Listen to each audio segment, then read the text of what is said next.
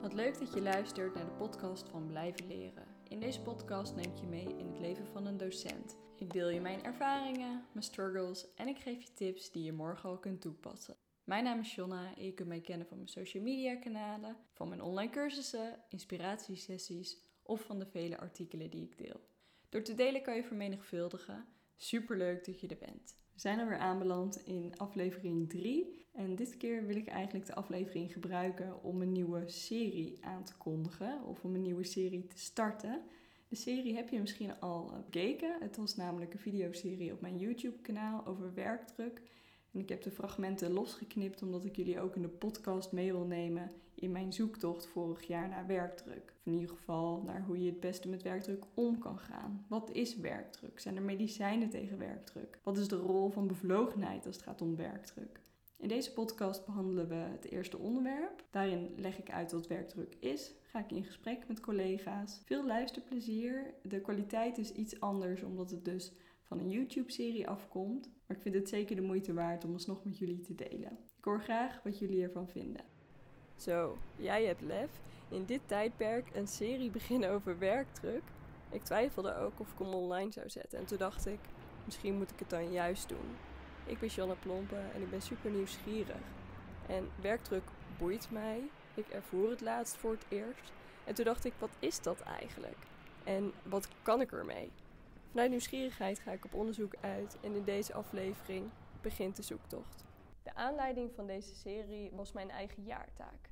Ik werk al een tijdje in het onderwijs, maar voor mij was het niet zo goed eh, bekend hoe die jaartaak precies werkt. Klopt het nu wel of niet?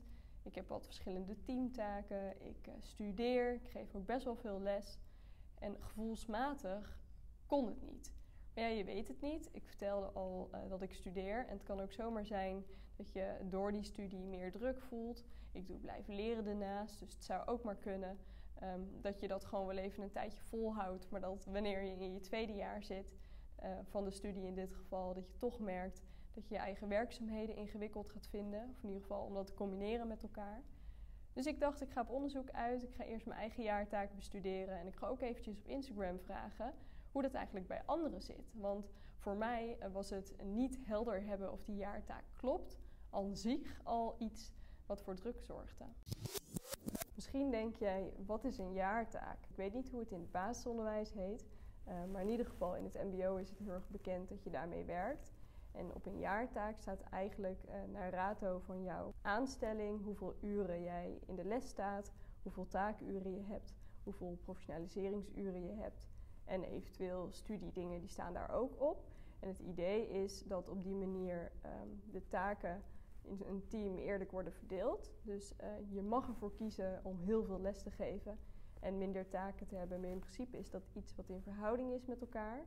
Ook in de veronderstelling dat een bepaalde verhouding zwaarder is dan als je het op een andere manier doet. Dus sommige mensen vinden het bijvoorbeeld heel zwaar om heel veel voor de klas te staan, in de operatie te staan en willen daardoor liever ook wat meer taken hebben. Anderen vinden lessen juist heel overzichtelijk. Je weet gewoon precies wat je moet doen.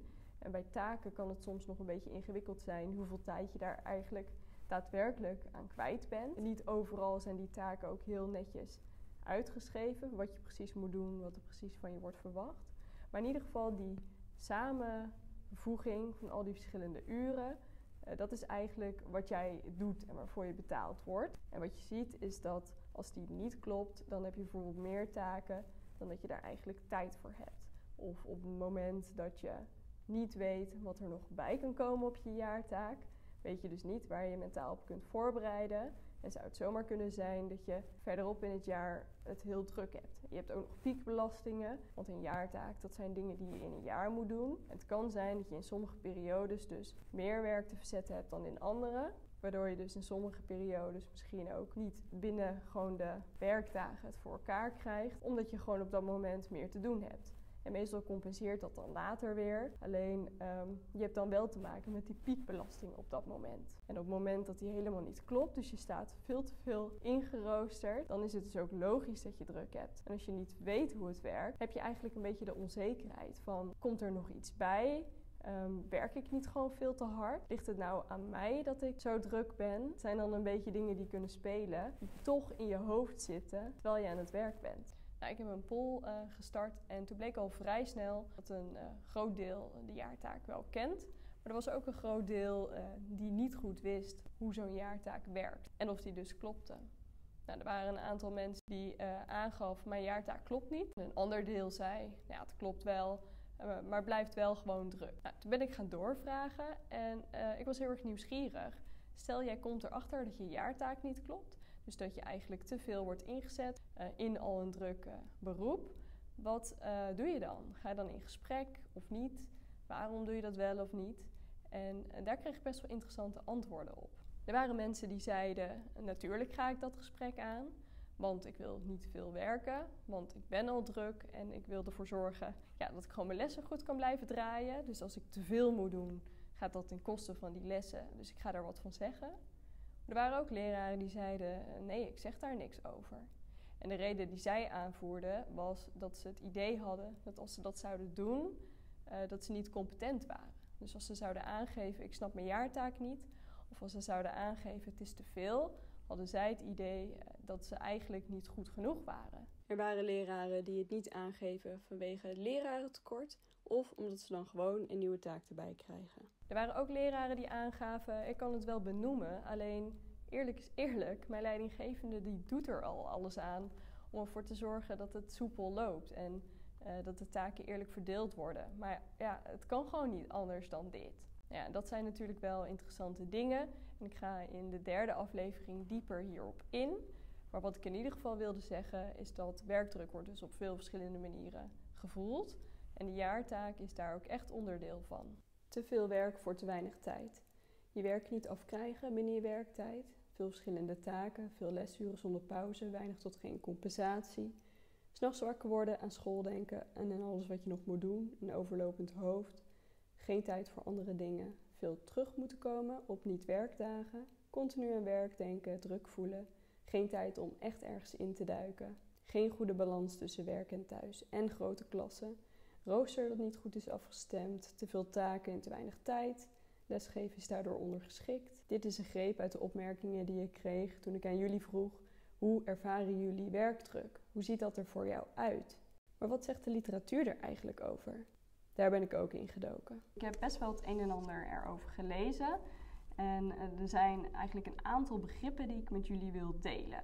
En ook even wil koppelen aan eh, de verhalen die ik terugkreeg vanuit de leraar. En ik heb um, onder andere gelezen uit een boek wat over het basisonderwijs gaat. Het heet Worstelen met werkdruk en het heeft Katrijn Ballet of Ballet, ik weet niet hoe je het uitspreekt, geschreven. En die legt onder andere het begrip intensificatie uit. Maar eerst wil ik even met jullie stilstaan bij stressverschijnselen en werkdrukbronnen.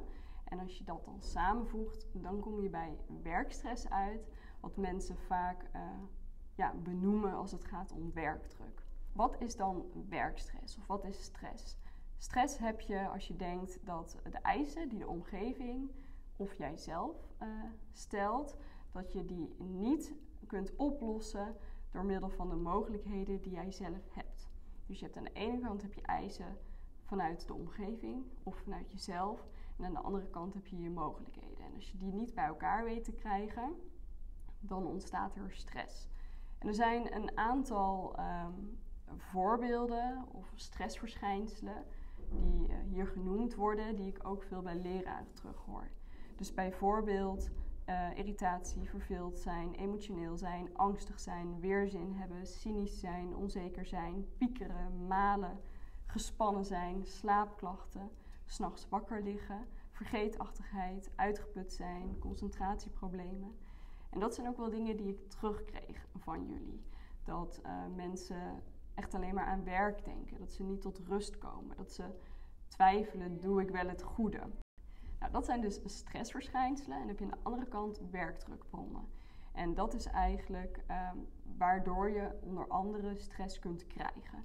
Dat kan de inhoud van het werk zijn, contacten of interacties met collega's, ingrijpende gebeurtenissen, de hoeveelheid werk, de aard van het werk, tempo van het werk, overwerk, Ehm, dat je eigenlijk te weinig ruimte hebt om pauze te nemen of snipperdagen op te nemen. En wat ik merk is dat veel van de mensen die hebben gereageerd op mijn Instagram te maken hebben met uh, de hoeveelheid van het werk. En ook met ehm, de tijd om rust te hebben en te ontspannen. Ze hebben het idee dat het heel veel is, dat er weinig ruimte is voor ontspanning. En daardoor krijgen ze bepaalde stressverschijnselen en dat is voor hen werkdruk. Maar het kan ook zo zijn dat iemand een probleem heeft met collega's, dat je met een klas niet lekker loopt uh, of niet goed kunt samenwerken, of dat er iets heftigs is gebeurd waar je stress van krijgt. Maar dat kreeg ik nu wel minder terug. Maar weet dat dat uiteraard ook onderdelen zijn van werkdruk. Nou, wat je veel hoort online, uh, dat zie je als er dan bijvoorbeeld gestaakt wordt. Dan uh, staat dat op Facebook, een artikel, dat mensen echt reageren van ga gewoon werken of ja, mensen begrijpen niet zo goed waarom er gestaakt wordt. Veel opmerkingen over dat leraren meer geld willen, dat ze een hoger loon willen. Nou, zonder daar heel erg op in te gaan, um, wil ik wel het begrip intensificatie met jullie delen. Wat wellicht wat meer informatie geeft over wat maakt dat leraren nu opstaan als het gaat om werkdruk. Nou, dit stuk komt dus uit het boek van Katrijn. En ik zou je adviseren, als je daar meer over wil lezen, dat je daar naar gaat kijken. Nou, er zijn een aantal processen die invloed hebben op de ervaren druk bij leraren. Er komt veel op leraren af. De samenleving stelt steeds meer eisen. En eh, mede daardoor is er nu veel meer aandacht voor efficiëntie en effectiviteit in het onderwijs. En dat betekent dat er op een bepaalde manier gemeten moet worden of onderwijs goed is en effectief is.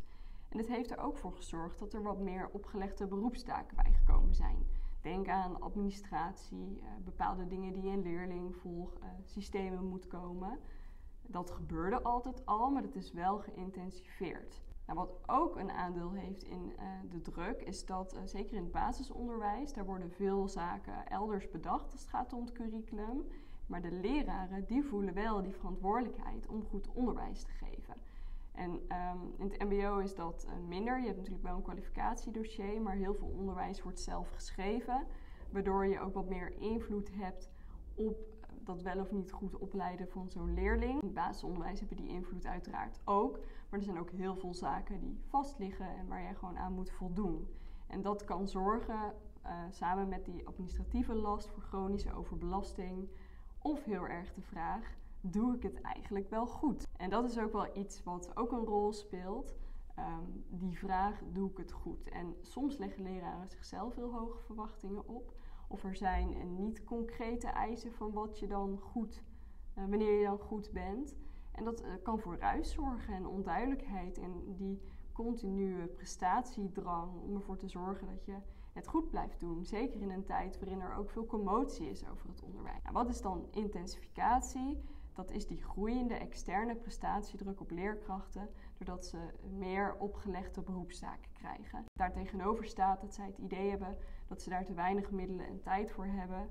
En uh, ja, dat maakt dan dat er druk is. Dus om dan weer even terug te gaan naar die werkdrukbronnen en die stressverschijnselen. Het heeft dan te maken met de hoeveelheid werk en het werktempo. En dat je daar dan druk van kunt ervaren. Dus bijvoorbeeld kunt gaan piekeren zenuwachtig over kunt zijn, um, bang kunt zijn dat je het misschien niet goed doet. Wat er geschreven wordt is dat de verhoging van uh, de toegewezen werkdruk voornamelijk door het ministerie veroorzaakt wordt. Het kan ook te maken hebben met processen binnen de school. Dus hoe zijn de processen binnen de school geregeld? Welke verwachtingen zijn er? Wordt er efficiënt gewerkt of niet? Um, wordt er op een goede manier nagedacht over goed onderwijs? Worden daarin krachten gebundeld of niet? En daar valt ook veel te halen als het gaat om die werkdrukverlichting.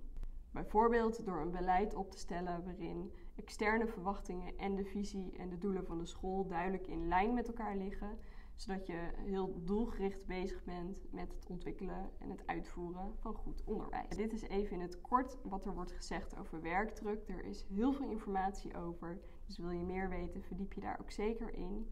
Uh, ik vond het vooral belangrijk om even toe te lichten dat het met stressverschijnselen en met werkdrukbronnen te maken heeft. En um, wat intensificatie is. Zodat ook duidelijk wordt dat er echt meer op die leraren afkomt. Zojuist hebben we het gehad over werkdruk en hoe het ontstaat, wat het is, hoe mensen het ervaren. En al een tijdje heb ik contact met Debbie van Education by Debbie en zij geeft aan helemaal geen werkdruk te voelen. Ik was er heel erg nieuwsgierig naar en ging bij haar op bezoek in Den Haag bij de spoorzoeker. We gaan met elkaar in gesprek om ook deze kant van het verhaal te belichten. Ik ben op dit moment in Den Haag en ik heb net bij Debbie meegekeken. En toen dacht ik, misschien is het ook meteen wel even leuk om het even over werkdruk te hebben. Want jij werkt in het basisonderwijs. Mhm. En eh, wij hadden al een beetje via Instagram contact daarover. Van, ja, heb jij dan werkdruk? Hoe zit dat dan? En uh, jij had daar een mening over van hoe, Ja. ja. of je dat wel hebt of niet hebt. En hoe je ervoor kunt zorgen dat je dat eventueel minder hebt. Dus ik dacht, dat is ook voor deze serie wel interessant om even mee te nemen. Kan je daar kort wat over vertellen? Ja, wat me heel erg aan het hart gaat de laatste periode is dat er heel veel negativiteit in het nieuws komt. En ik geloof heel erg dat alles wat je aandacht geeft groeit. Dus ook negativiteit. Wat ik probeer via mijn eigen kanalen en via hoe ik naar buiten treed, naar vrienden, familie, naar eh, mensen die ik spreek, over het onderwijs is sowieso altijd positief te praten. En ik merk dat dat ook echt een positieve mindset bij mezelf constant teweeg brengt. En als ik het vergelijk met een paar jaar geleden tot nu, ben ik daarin echt wel gesterkt en is mijn mindset wel veranderd. Ook gewoon in het algeheel dagelijks leven. En één ding wat je natuurlijk steeds hoort, is dat die werkdruk zo hoog is in het basisonderwijs. Ik geloof dat mensen het heel druk hebben op werk. En dat je best werkdruk kunt ervaren. Dus ik zeg niet dat mensen het niet hebben. Ik zeg alleen dat ik dat niet ervaar. En dat is natuurlijk eigenlijk wel een tegengeluid van wat heel veel mensen zeggen. En nogmaals, ik zeg niet dat niemand het, dat het niet kan, maar ik voel dat niet. En natuurlijk heb ik het nu in deze periode heel erg druk met Sinterklaas en Kerst. En natuurlijk komen daar de CITO-toetsen eraan en dan ben ik heel erg druk met het nakijken en heb ik veel werk te doen. Of komen de rapporten eraan. Maar ik geloof dat werkdruk, dat je dat een beetje zelf doet. En dat is wel een harde wat ik nu zeg, dat begrijp ik ook. Maar wat ik steeds tegen mezelf zeg, is dat ik maar twee handen heb en twee benen en één hoofd. Ik werk maar twee dagen in deze klas. En ik doe mijn stinkende best. Van het moment dat ik hier binnenkom tot het moment dat ik naar huis ga. En soms ook nog gewoon thuis. Dat ik nog even iets in het leerlingvolgsysteem zet. Of even nog mijn les ga voorbereiden. Maar ik bedenk ook heel goed dat ik meer dan dit niet kan doen. Dus ik gaf jou net het voorbeeld. Ja, mijn muren zou ik graag nog mooier versierd willen hebben.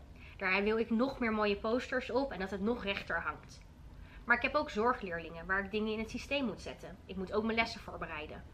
En wat voor mij heel erg helpt, is dat ik elke dag tegen mezelf zeg: Oké, wat zijn nu mijn grote big rocks? Wat zijn de dingen die echt moeten nu als eerst? En daaromheen ga ik de rest plannen. En als het vijf uur is of half zes, dan ga ik ook naar huis en denk ik: dan doe ik de rest dus morgen maar. Dus hoor je eigenlijk verschillende dingen zeggen. Het is druk. Ik Ja. bedoel, dat ontken jij eh, niet. Je geeft wel aan dat mindset daar een, een belangrijk eh, ding in is. Op het moment dat je daar negatief tegenover staat. Of als je daar ook misschien negatief over praat. Want je zegt ook, als ik met mensen daarover spreek, probeer ik me daar ook bewust van te zijn hoe ik Ja. erover spreek. Dan wordt het erger. En op het moment dat je denkt, hé, hey, ik, ehm, ik spreek hier wel positief over. Want ik heb hart voor het onderwijs. Ik vul nu veel dingen in. Maar Mhm. ken je een beetje als je, als je zegt, ehm, ik ben hier om met die eh, kinderen te werken en om ze verder te helpen. En als je daar vooral op focust. En ook besluit, wat kan ik dan allemaal als dat mijn focus is? En de rest laat je los. Ja. Dan heb je dat niet heel erg, die werkdruk. Nee. Ja, ik denk dat dat voor mij is dat iets wat echt bij mij past als persoon. En dat ik dat dus ook uitstraal naar anderen. En ja, nog wat ik zeg, ik maak echt elke dag na school, ik ruim mijn lokaal op. En dan ga ik eerst even zitten, even een momentje voor mezelf. Om ook eventjes gewoon weer de energie los te laten die ik heb gegeven aan de kinderen. En dan heel duidelijk te bedenken, oké, maar wat moet ik nu echt als eerste doen? En wat komt daarna? Ja. Ja, en ik geloof daarin dat je gewoon je best doet. Eh, je moet natuurlijk wel, ik werk ook heel hard doorwerken. Ehm, maar nogmaals, ik heb geen slapeloze nachten. ehm, omdat mijn kinderen morgen weer les moeten krijgen. Ik denk gewoon dat er andere beroepen zijn waar werkdruk op een andere manier voelbaar is. Waardoor je inderdaad niet kunt slapen omdat er anders super ernstige dingen gebeuren. Dus ik relativeer dat ook wel naar mezelf. Als ik vandaag mijn les niet goed genoeg heb voorbereid, dan gaat er morgen niemand dood. En dat klinkt echt heel hard wat ik zeg. Maar dan is mijn lesje misschien morgen iets minder. Nou, dan geef ik hem overmorgen nog een keer. Ja. En dat heeft voor mij de afgelopen jaren wel geholpen om te relativeren van wat is nu voor mij werkdruk en wat niet. Ja. En ja, Wat, eh, wat is het ergste wat er kan gebeuren als mijn les niet 100% Ja. is? Wat is het ergste wat er kan gebeuren als eh, mijn slinger van het bord valt? Ja. Is net gebeurd. is net gebeurd. het. Tijdens de les. Ehm, wat, ehm, ja, wat zijn nu- de ergste dingen? En wat jou betreft eh, kan je dat heel goed relativeren. En ehm, ja, bij jou staat er ook altijd iemand voor de klas. Ja. Dus wat dat betreft, het is ook niet dat je de zorgen hebt van... Goh, als ik me niet lekker voel, dan wordt de les ook niet gegeven. Nee. Want je hebt een duo die eventueel dat ook zou kunnen overnemen als je er niet bent. Ja, maar aan de andere kant, ik was twee weken geleden ziek. Maar dan ben ik ziek. Dus in dat opzicht, dan kom ik ook niet werken. Want ik kan niet de energie geven die ik normaal zou geven. Ehm, en wat er dan ook gebeurt met mijn kinderen. Ik hou echt van zijn, ik wil echt goed les. Maar als ik ziek ben, ben ik ziek. Ja. En dan vind ik het heel vervelend dat iemand anders voor de les moet. Of dat ze worden verdeeld. Maar nogmaals wat ik zeg, als dat een paar dagen gebeurt. Dan komt die dag daarna, de vierde dag desnoods, wel weer een goede les daarvoor terug. Ja. Kijk, het is natuurlijk anders als jij structureel geen leerkrachten kunt vinden. Ik begrijp heel goed dat een directrice daar werkdruk van kan ervaren. Of een duopartner die weet dat er niemand naast haar staat. En al het werk op haar of hem komt te liggen. Dus ik snap zeker dat het kan ervaren. Maar in deze situatie waar je een duo naast je hebt staan. Ja, kan ik alleen maar zeggen, ik heb gewoon nog steeds de leukste baan. En ben ik echt heel blij dat ik op maandag en dinsdag lekker voor deze klas sta. Voor mij helpt het gewoon altijd om te denken, ik heb mijn uiterste best gedaan. En meer dan je best kan je niet doen. En inderdaad die vraag die jij net heel concreet terugstelde. Wat is het ergste wat er kan gebeuren als je iets niet doet? Ja, mijn kerstboom is nu ook nog niet versierd. Nee, ja, daar had ik geen tijd voor vandaag. Ik had, ja, dat komt morgen wel weer. Ja, mooi om ook dat geluid even mee te nemen in deze serie. Dankjewel. In deze aflevering kwam van alles naar voren. De jaartaak, werkdruk, stressverschijnselen. Hoe leraren tegen werkdruk aankijken, hoe ze dat ervaren. En ook een leraar die helemaal geen werkdruk heeft. Is dat dan bevlogenheid of gewoon een kwestie van een mindset? Volgende week gaan we daar verder op in. Zorg dat je er dan ook weer bij bent.